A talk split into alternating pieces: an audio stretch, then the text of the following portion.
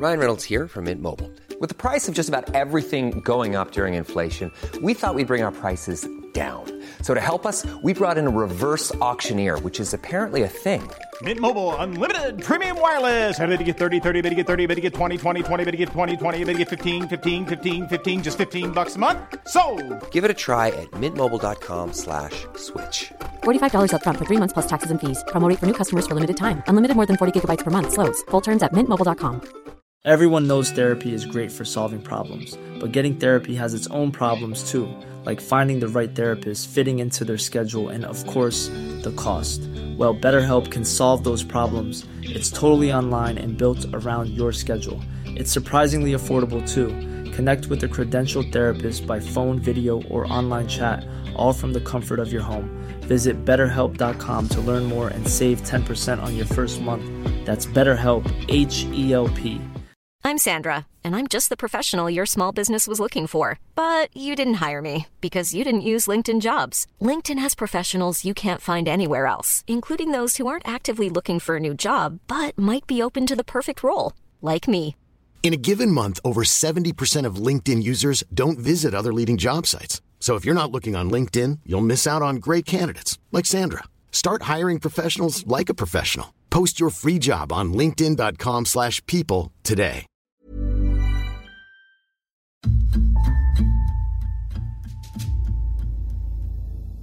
Kriminalkrøniken. En true crime-podkast hvor autentiske kriminalsaker fra Norge og resten av Norden fortelles med politiets egne ord. Virkeligheten overgår ofte fantasien. Advarsel. Denne podkasten inneholder sterke skildringer som kan virke støtende for noen. Denne podkasten er ikke egnet for barn. Sigrid-saken. Denne episoden er bygget på en tekst av politiførstebetjent Ole Morten Størseth ved Follo politidistrikt. Navn på deler av de involverte er fiktive. Rett før midnatt natt til søndag 5. august 2012 gikk den 16 år gamle Sigrid Giskegjerde Skjetne hjem fra en venninne på Østensjø i Oslo. Faren til Sigrid satt oppe og venta på henne. Dette var første gang Sigrid fikk være ute så seint, og de hadde en avtale om at hun skulle være hjemme senest klokken halv ett om natten. Sigrid kom imidlertid ikke hjem som avtalt. Klokken ett om natten sendte faren til Sigrid en tekstmelding til henne for å finne ut av hvor hun var. Da han ikke fikk noe svar, kontaktet han venninnen hennes for å høre om hun fortsatt var der.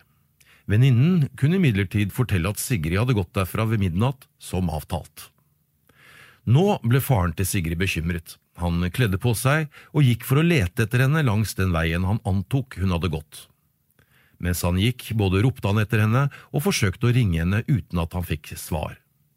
Etter en stund ringte Sigrids mor og fortalte at det hadde vært to gutter på døren med skoene og mobiltelefonen til Sigrid. Faren ble nå skikkelig urolig og ringte politiet mens han gikk hjemover igjen. Da han kom til Østensjø barnehage like ved hjemmet, traff han de to guttene, og sammen begynte de å lete i busker og under trær.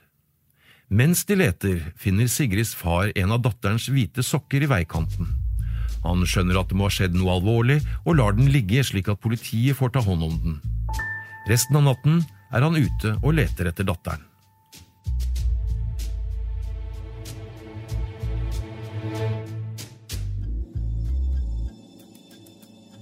Politiet kommer etter hvert til stedet og overtar Sigrids sko, telefon og den hvite sokken.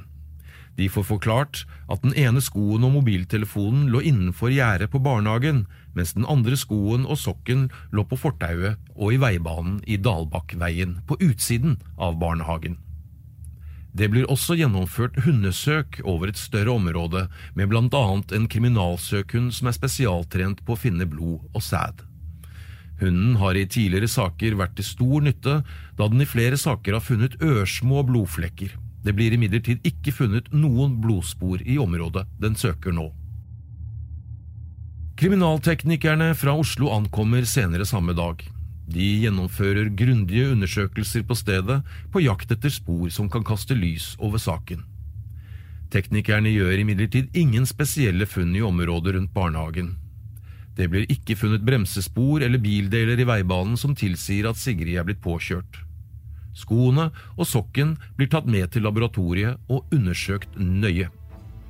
Det blir ikke funnet blod på dem. Hva som egentlig hadde skjedd i området ved barnehagen, var et mysterium.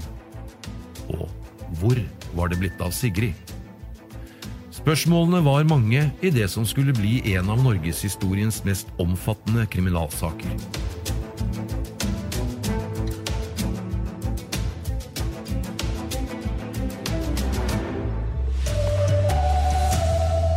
Her er NRK Dagsnytt klokka 14.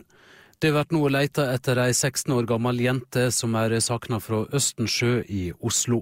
Jenta ble meldt sakna rett etter midnatt, da hun ikke var kommet hjem som avtalt etter å ha besøkt ei venninne. Skoene til jenta er funnet i en barnehage i nærleiken av der hun bor, sammen med en mobiltelefon. Og Politiet snakker nå med naboer og folk i området, forteller operasjonsleder i Oslo politidistrikt, Finn Belle. Akkurat nå så har vi etterforskere i området. Etterforskere som snakker med foreldre til jenta. Vi er i kontakt med naboer. Vi har rundspørring i boligområdet. Og vi har også en såkalt krimsøkshund, der hvor eh, hennes sko og mobiltelefon eh, ble funnet. Politiet betraktet umiddelbart saken som en kriminalsak, og sikret seg derfor rutinemessig store mengder trafikkdata. Blant annet ble det innhentet opplysninger om ca. 200 000 bompasseringer for perioden mellom 4. og 5. august. I tillegg ble det i løpet av etterforskningen innhentet ca. 300 000 trafikkdata for mobiltelefonbruk. Parallelt med dette startet man med å sjekke aktuelle moduskandidater, personer som kunne være aktuelle ut ifra tidligere historikk i politiets strafferegistre. En rekke politifolk jobbet nå på spreng for å løse mysteriet. Tiden jobbet imidlertid mot dem. Dess lenger tid det tok, dess lenger unna ville en gjerningsperson kunne kommet med Sigrid. Samtidig organiserte Sigrids far og venner av familien leteaksjoner. Det blir etter hvert en enorm oppslutning rundt letingen, hvor både venner og andre frivillige bidrar. Det letes i Oslo, i nabokommunene, det sjekkes ut konkrete tips, og i dager og uker letes det etter en rekke personer. På det meste møter 800 personer opp for å lete etter hele Norges nabojente, og flere tusen deltar rundt om i landet. Ikke et eneste spor etter Sigrid eller Sigrids eiendeler er imidlertid å finne. Og så skal jeg bare, mens jeg husker det Dere har fått telefonnummeret, eller ett telefonnummer, å ringe for å tipse. For som sagt, Blågrå hettegenser, grå singlet, olashorts, gullsmykke med sånn fjæranheng og en brun veske mindre enn et A4-ark. Det tar vi ikke med oss. Mange av dere har fotoapparater på telefonene. Ta bilde av det og ring. Mange har ringt. Veldig mange. Veldig mange har ikke fått svar, og det skyldes jo at pågangen er stor. Hvis noen skulle ha fått inntrykk av at uh, vi som har eh, tilbudt oss å bistå familien og eh, samle eh, Forsøke å hjelpe dere som er så velvillige og som vi er så glad for å se hver dag, har tenkt å ta lettere på saken fordi det har gått noen dager, så har vi gitt et helt, helt feil inntrykk. Det stemmer ikke. Vi er der vi var på søndag, og der skal vi fortsatt være. For vi leter og har ikke funnet. Vi skal lete til vi finner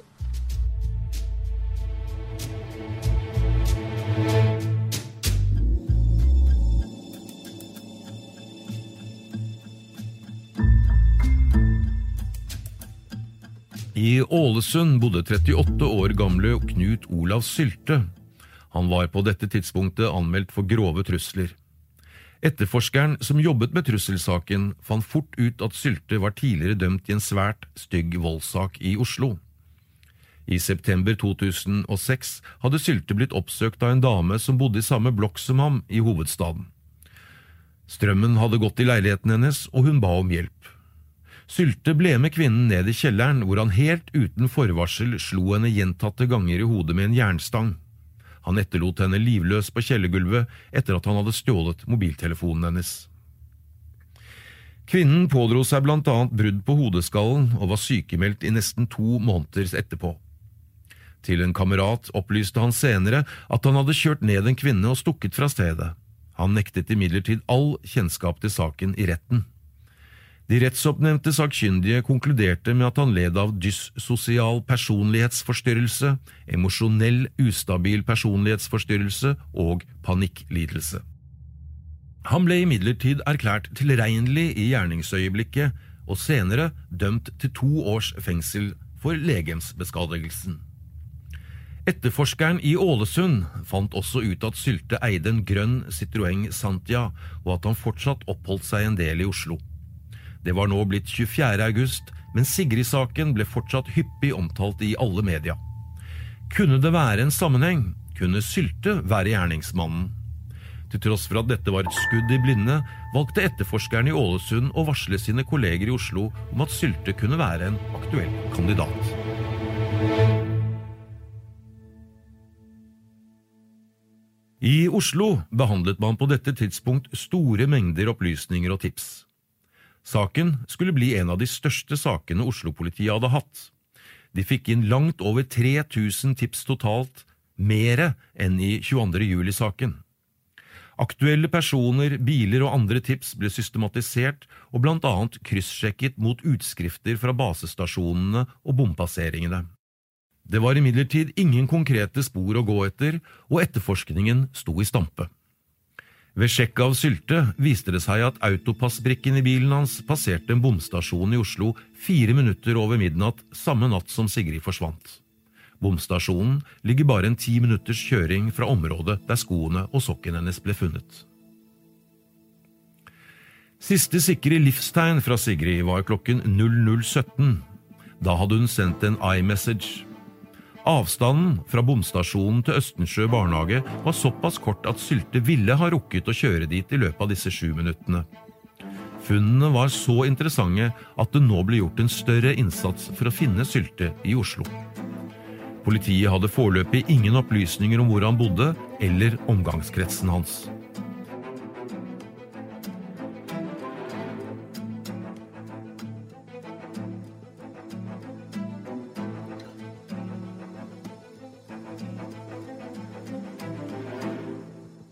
Etter en tids etterforskning og etterretning ble han funnet. Og politiet satt spaning på ham i håp om at det ville gi svar på om han hadde hatt noe med forsvinningen å gjøre. Det viste seg at Sylte hadde solgt den grønne Citroengen 10. august, fem dager etter at Sigrid forsvant. Da politiet oppsøkte den nye eieren, viste det seg at bilen hadde flere skader i panseret og i frontruten som kunne minne om en påkjørsel. Politiet beslagla derfor bilen for nærmere undersøkelser. Spaningen avdekket at Sylte hadde kontakt med Per Skog, en dyktig bilmekaniker. Han hadde blant annet et verksted i Oppegård, snaue to mil sør for Oslo. Mandag 3. september observerte spanerne fra Oslo at Skog og Sylte hadde satt falske skilter på en av Skogs biler og kjørte ut av Oslo. Spanerne fulgte de to til verkstedet i Oppegård. Mistanken om at én eller begge av dem hadde noe med Sigrids forsvinning å gjøre, var nå såpass sterk at politiet pågrøp dem på verkstedet. Foreløpig kunne man ikke bevise noe i forhold til Sigrid, og man valgte derfor å sikte dem for dokumentfalsk ved at de hadde brukt falske skilter på bilen. Ved gjennomgang av Syltes mobiltelefon fant politiet bilder av den grønne Citroengen. På bilder tatt 3. august, dagen før Sigrid forsvant, var den uten skader. To dager etter Sigrids forsvinning, den 6. august, var bilen avbildet på ny. Skadene i panseret og frontruten var da synlige.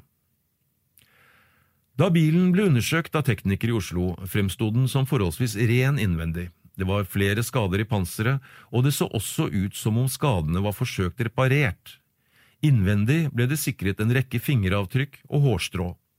Både i baksetet og på gulvene bak og i bagasjerommet ble det funnet en rekke flekker som ved søk med kriminalsøkshund og ved nærmere undersøkelser ga utslag som for blod. Mange av flekkene var så små at de ikke var synlige med det blotte øyet. Politiet øynet nå håp om at de kanskje hadde funnet bilen som var benyttet da Sigrid ble bortført.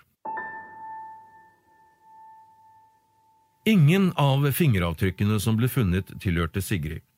Svarene fra Folkehelseinstituttet var heller ikke oppløftende. Noe av blodet var riktignok fra en kvinne, men det var ikke Sigrid sitt blod. I tillegg var det blod fra Sylte i bilen.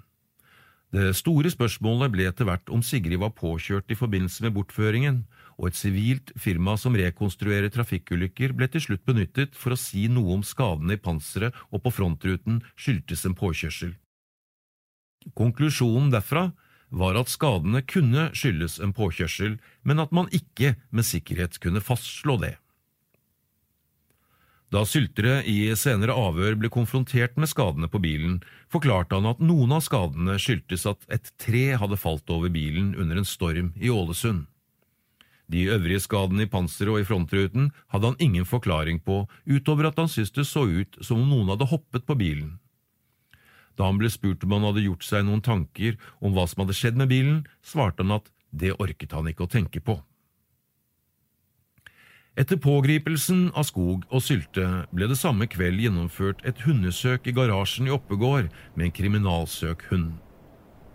Hundeføreren fattet interesse for en skrent ved verkstedet som endte i et skogsområde, og slapp hunden ned i skogen. Etter kort tid markerte hunden på en innpakning som var forsøkt skjult under en stor isolasjonsmatte med steiner og røtter oppå. Hundeføreren skjønte raskt at dette kunne være et innpakket lik, og politiet i Follo ble anmodet om å bistå med åstedsgranskere. To åstedsgranskere fra Follo startet samme kveld den møysommelige jobben med å pakke ut og undersøke innholdet i innpakningen. I mellomtiden ventet etterforskerne i Oslo i spenning på om innpakningen inneholdt et lik, om det kunne være Sigrid, og at man dermed nærmet seg et gjennombrudd i den nå snart én måned gamle forsvinningssaken.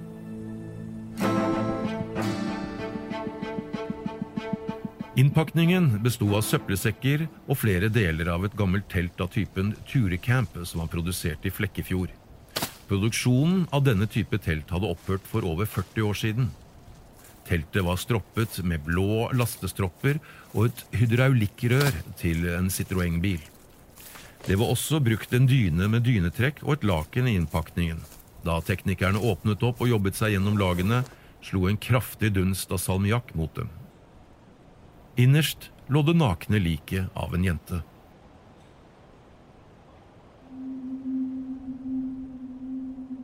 Av den langt fremskredne forråtnelsen var det ikke mulig å se om det var liket av Sigrid, men man antok at det kunne være det. Inne i innpakningen ble det funnet en lommelykt som gjerningspersonen åpenbart hadde mistet. Det ble ikke funnet kvister, blader eller annen vegetasjon inne i innpakningen, og teknikerne konkluderte derfor med at liket var pakket inn et annet sted enn der det ble funnet.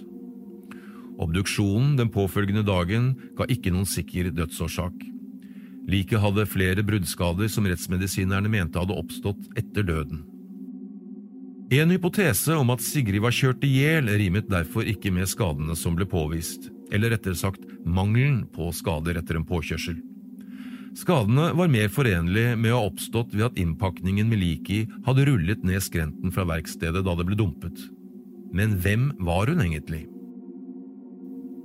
Svaret kom 5.9, da tannleger tilknyttet ID-gruppen på Kripos fastsatte identiteten på bakgrunn av tannjournaler og røntgenbilder.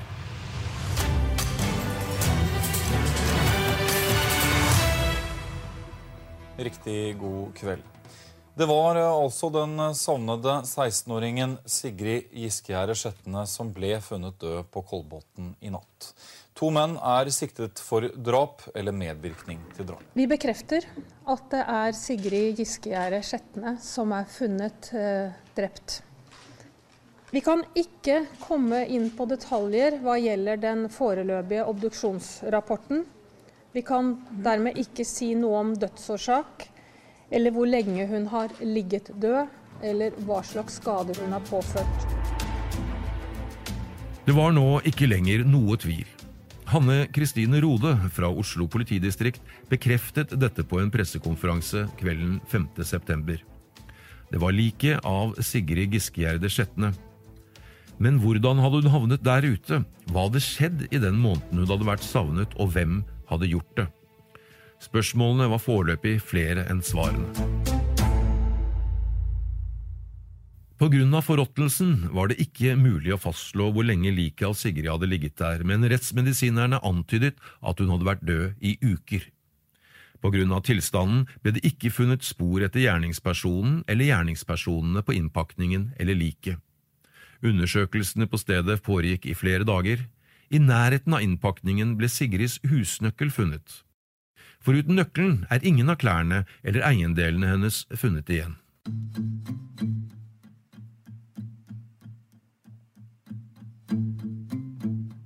Dagen etter pågripelsen, den 4. september, rykket kriminalteknikere i Oslo ut for å undersøke et gammelt lagerbygg på Bryn i Oslo. Bygget var ca. 1800 kvadratmeter stort, noe som medførte at undersøkelsene pågikk i to uker. Lageret var leid av Per Skog og var overfylt med skrot og gjenstander. Fra inngangen var det en smal passasje mellom alle gjenstandene som førte helt innerst i lokalet hvor det sto en campingvogn dunkelt belyst. Her, i denne campingvognen, bodde Sylte. Teknikerne startet med å undersøke gulvet fra inngangsdøren til campingvognen, med tanke på blant annet slepespor og blodspor, uten at de fant noe. Campingvognen ble deretter finkjemmet av teknikerne. Den var ikke utpreget ren, men bar likevel preg av å ha vært noe rengjort, og det sto også rengjøringsmidler som salmiakk der. Etter hvert så teknikerne ørsmå flekker på veggen i sengedelen som så ut som blod.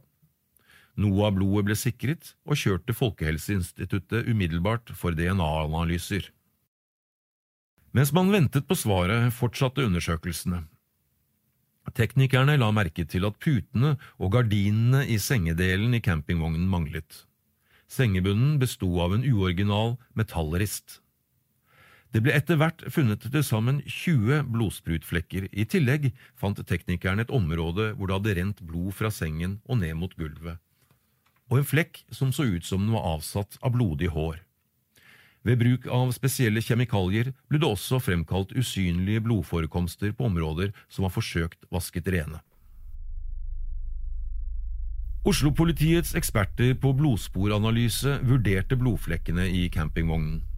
De mente at vedkommende som hadde blødd, hadde blitt utsatt for gjentatt stump vold, og at personen hadde vært i live da volden ble utøvd. Fraværet av blodspor i deler av campingvognen tydet på at det hadde hengt gardiner der da volden fant sted, og at disse sannsynligvis var blitt fjernet i forbindelse med vasking og rydding i ettertid. På en pall i nærheten av campingvognene fant teknikerne en pose som inneholdt teltstenger og plugger, men ikke noe telt. Verken stengene eller pluggene var merket, men ved nærmere undersøkelse av innholdet i posen fant de et bardunfeste merket Turi. Samme fabrikat som teltet som liket av Sigrid var pakket inn i, og samme type bardunfeste som var på innpakningen rundt Sigrid. I tillegg hadde Per Skog opplyst i avhør til politiet at Sylte hadde klagd over at sengen i campingvognen var kald. Han hadde derfor fått et gammelt telt som han hadde brukt som sengebunn kunne det være dette som var brukt i innpakningen. På Folkehelseinstituttet hadde man jobbet på spreng de siste døgnene med DNA-analyse av blodet fra campingvognen. Svaret kom på ettermiddagen den 5. september. Blodet stammet fra Sigrid.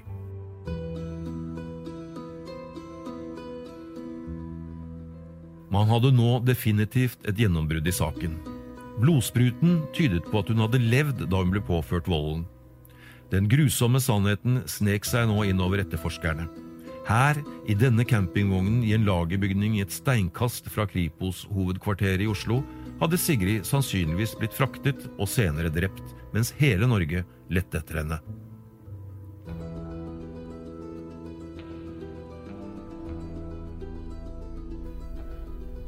De påfølgende dagene ble det gjennomført søk i resten av lageret med en kriminalsøkhund, spesialtrent for å finne annet blod. Hunden markerte på noen plater som så ut som om de hadde vært en del av den opprinnelige sengebunnen i campingvognen. Foruten dette ble det ikke funnet flere blodspor i lageret. Til tross for at det hadde vært søppeltømming i løpet av den måneden fra Sigrid forsvant til undersøkelsen av lageret startet, så valgte teknikerne å undersøke en søppelcontainer på utsiden av lagerbygningen. I konteineren fant de en Biltema-pose som blant annet inneholdt en blodtilsølt reklameavis.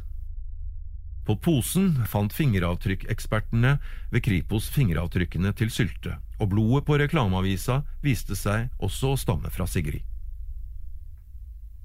Da undersøkelsene var ferdig to uker senere, var status at man ikke hadde spor etter andre personer enn Sigrid og Knut Olav Sylte i campingvognen. Blodsporene i campingvognen tydet på at Sigrid hadde blitt utsatt for gjentatt stump vold, f.eks. ved slag. Som en følge av at det ikke ble funnet blod fra campingvognen og ut til døren på lageret, konkluderte teknikerne med at liket av Sigrid mest sannsynlig hadde blitt innpakket før det ble fjernet fra campingvognen.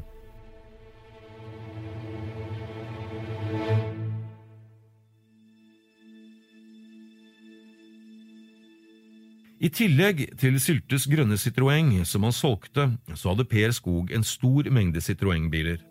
Til sammen ble 20 biler undersøkt av teknikerne med henblikk på fingeravtrykk, blod eller andre spor som kunne knyttes til Sigrid. Biler ble undersøkt i Oslo, på Kripos, i Follo, Ålesund og Bergen. Ytterligere 32 biler ble ransaket og undersøkt med kriminalsøkshund. Til tross for at antallet DNA-prøver nærmet seg 1000, like mye som antallet under hele etterforskningen av Nokas-ranet i 2004, så var det ingen spor etter Sigrid i bilene. Gjennom etterforskningen ble det klart at Sylte i perioden 5. til 11. august lånte en Volkswagen Passat av en kamerat. Et av firmaene som lå ved siden av funnstedet i Oppegård, hadde videoovervåkning som blant annet dekket innkjøringen mot verkstedet. Den 11. august ble Sylte filmet idet han kjører Passaten inn mot verkstedet. Denne dagen var han alene inne ved verkstedet. Kunne det være denne Passaten som ble benyttet til å transportere Sigrid til Oppegård? Bilen ble beslaglagt og undersøkt av teknikerne ved Kripos. Ettersom man mente at Sigrid var innpakket allerede før hun ble transportert ut til Oppegård, hadde man imidlertid ikke store forhåpninger om å finne DNA eller andre spor etter henne i bilen. Og ganske riktig, til tross for omfattende undersøkelser ble det ikke funnet et eneste spor etter Sigrid i bilen.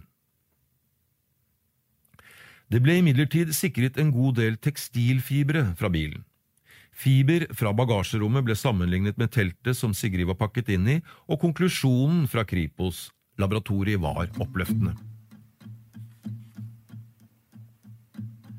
Det var tekstilfiber i Passaten av samme type som i teltet. Med tanke på at produksjonen av dette teltet opphørte for over 40 år siden, og at dette dermed ikke var noe vanlig telt, var dette sterke indisier på at det var denne bilen som ble benyttet til å transportere innpakningen med liket av Sigrid til Oppegård. Like etter Sigrids forsvinning endret Sylte på sine daglige rutiner. Fra 5. til 15. august bodde han ikke i campingvognen. I løpet av disse dagene byttet han telefon og telefonnummer to ganger. Han fotograferte skadene på den grønne Citroëngen sin og solgte den.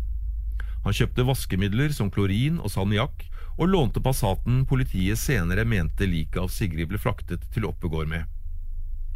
Utskrifter fra telefonbruk, basestasjoner og videoovervåkninger viste at han gjentatte ganger var i verkstedet i Oppegård alene. Hans medsiktede 65 år gamle venn, som eier verkstedet, blir etter hvert sjekket ut av saken og løslatt. Sylte blir avhørt en rekke ganger i løpet av varetektsperioden. I avhørene blir han til slutt konfrontert med at politiet har funnet Sigrids blod i campingvognen som han disponerer og bor i. Han tar flere lange tenkepauser under avhørene og gjentar flere ganger at han ikke kjenner til det, ikke husker det eller ikke kan si noe om det. I et av avhørene sier han imidlertid at han får en tanke om at Sigrid kan ha blitt pakket inn i tepper og dyner og dynket med vaskemidler. Sylte lanserer også på et tidspunkt i avhørene fire teorier han har om drapet på Sigrid. Den første er at noen andre har utsatt Sylte for dette, slik at det ser ut som om han har gjort det. Noen andre har organisert det, enten med vilje eller ikke. Den andre teorien er at Sylte har gjort det fordi det har klikket for ham, fordi alle gikk mot ham. Det kan være medisinene som fikk det til å tippe over for ham, medisiner han aldri skulle hatt. Den tredje teorien er at det kan ha vært en ulykke, og den fjerde at det ikke er sammenheng med noe som helst. Ingen relasjon. Da Sylte i et av avhørene ble vist bildene av blodfunnene i campingvognen, svarte han at som ved første øyekast kan det se ut som om Sigrid har vært i campingvognen og blitt drept der. Sylte erkjente aldri at det var han som hadde bortført Sigrid, eller hva som hadde skjedd med henne etter bortføringen. Han ble til slutt tiltalt for drap. Forut for rettssaken ble Sylte observert og undersøkt av rettsoppnevnte sakkyndige. Disse var uenige om han kunne straffes. Noen av psykiaterne mente at han var tilregnelig på gjerningstidspunktet, mens en nevropsykolog mente at han var paranoid schizofren og derfor strafferettslig utilregnelig. Selv nektet Sylte all straffskyld. Rettssaken mot Sylte startet 16.9.2013 i Oslo tingrett. Retten er satt. For å ha forvoldt en annens død for å skjule en annen forbrytelse eller unndra seg straffen for en sådan, og det foreligger særdeles skjerpende omstendigheter. Har du foretatt de handlinger som er nærmere beskrevet i tiltalebeslutningen? Nei. På en rekke av statsadvokat Nina Margot Prebes spørsmål under rettens første dag svarte Sylte 'husker ikke' eller 'vet ikke'. Han sa at han ikke hadde fått noe hjelp til å huske, og at det bare hadde vært press og trusler også fra politiet under avhørene. Sylte husket heller ikke hva han gjorde i tidsrommet 7. til 9. august. Han bekreftet imidlertid at han generelt hadde vært mye i området der Sigrid ble funnet på Kolbotn for å ta bilder, men ønsket ikke å svare på konkrete tidspunkt. Han kunne verken huske hva han gjorde, eller hvor han var 5. august og natt til 6. august. Han kunne heller ikke huske om han lånte en annen bil dagen etter at Sigrid ble funnet. Sylte bekreftet imidlertid at han sannsynligvis sov i bilen på en parkeringsplass 6. til 11. august, men var ikke sikker. Jeg sov i bilen på grunn av stresset med psykiatrien, forklarte han. Sylte ble også konfrontert med gjenstandene Sigrid var pakket inn i, og som statsadvokat Prebe mente han hadde knyttet seg til i avhørene blant annet teltet, som var sengeunderlag i campingvognen, et laken og en dyne med dynetrekk som han kjente igjen som sine. I tillegg dro han kjensel på lommelykten som lå i innpakningen, som var en lommelykt han tidligere hadde mistet. På spørsmål om hvordan det kunne ha seg at alle disse tingene Sigrid var pakket inn i, var hans og stammet fra campingvognen, svarte Sylte at det er ganske merkelig, men om jeg, mot formodning, hadde tatt livet av noen, ville jeg ikke ha pakket inn liket med en haug av bevis. Det håper jeg folk forstår, forklarte den 38 år gamle mannen.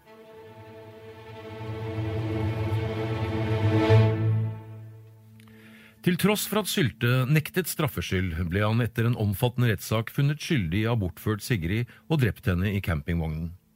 Retten kom frem til at han ikke var tilregnelig i gjerningsøyeblikket, og dømte han til tvungen psykisk helsevern. Sylte anket både over reaksjonsformen og skyldspørsmålet. I april 2014 kom saken opp for lagmannsretten. Nok en gang ble Sylte dømt for å ha bortført og drept Sigrid. Også denne gangen kom retten til at han ikke var tilregnelig, og at han måtte dømmes til tvungen psykisk helsevern.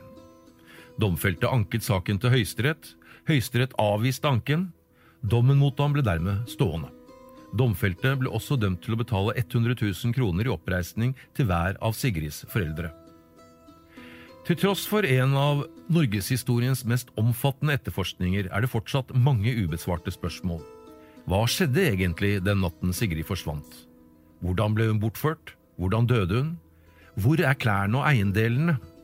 Hvis ikke Sylte velger å snakke, vil man sannsynligvis aldri få svar på disse spørsmålene.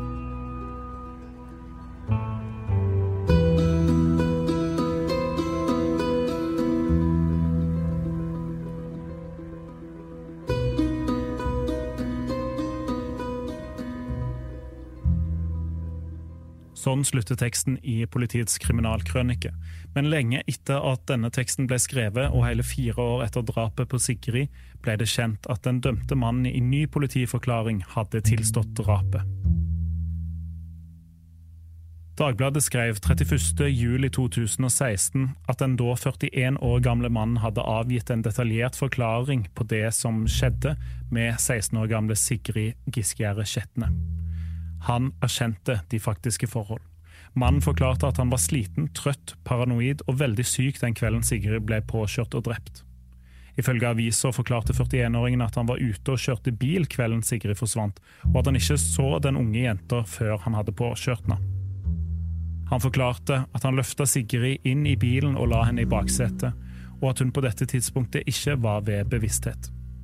I tilståelsen hevder 41-åringen at han egentlig tenkte å kjøre til Oslo legevakt, men han ombestemte seg. I stedet tok han Sigrid med seg inn i campingvognen. Her skal han ha drept henne ved å slå henne i hodet. Ifølge forklaringen hevder 41-åringen at han ønsket å slå henne i svime, og at det aldri var meningen å slå slik at hun døde. Han hevdet videre at han forsøkte å gjenopplive Sigrid flere ganger. Etter at den 16 år gamle jenta var drept, forsøkte han å gjemme kroppen hennes, og han prøvde å skjule sporene i bilen og i campingvogna. Etter at dette var gjort, reiste han til Ålesund. Der skal han ha oppholdt seg i seks dager før han returnerte til Oslo. Han forklarte at han sleit med å huske detaljene i saken. 41-åringen var da tilståelsen ble gitt, tvangsinnlagt ved St. Olavs hospital i Trondheim, avdeling Brøsset.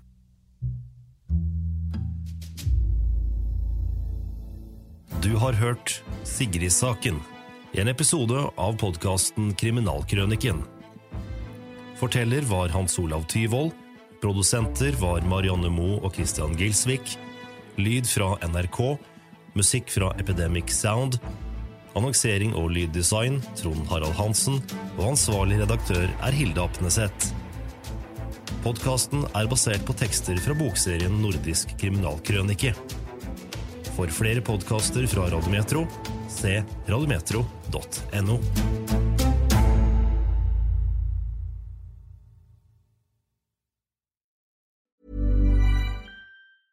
Hey, it's Paige DeSorbo from Giggly Squad. High quality fashion without the price tag. Say hello to Quince.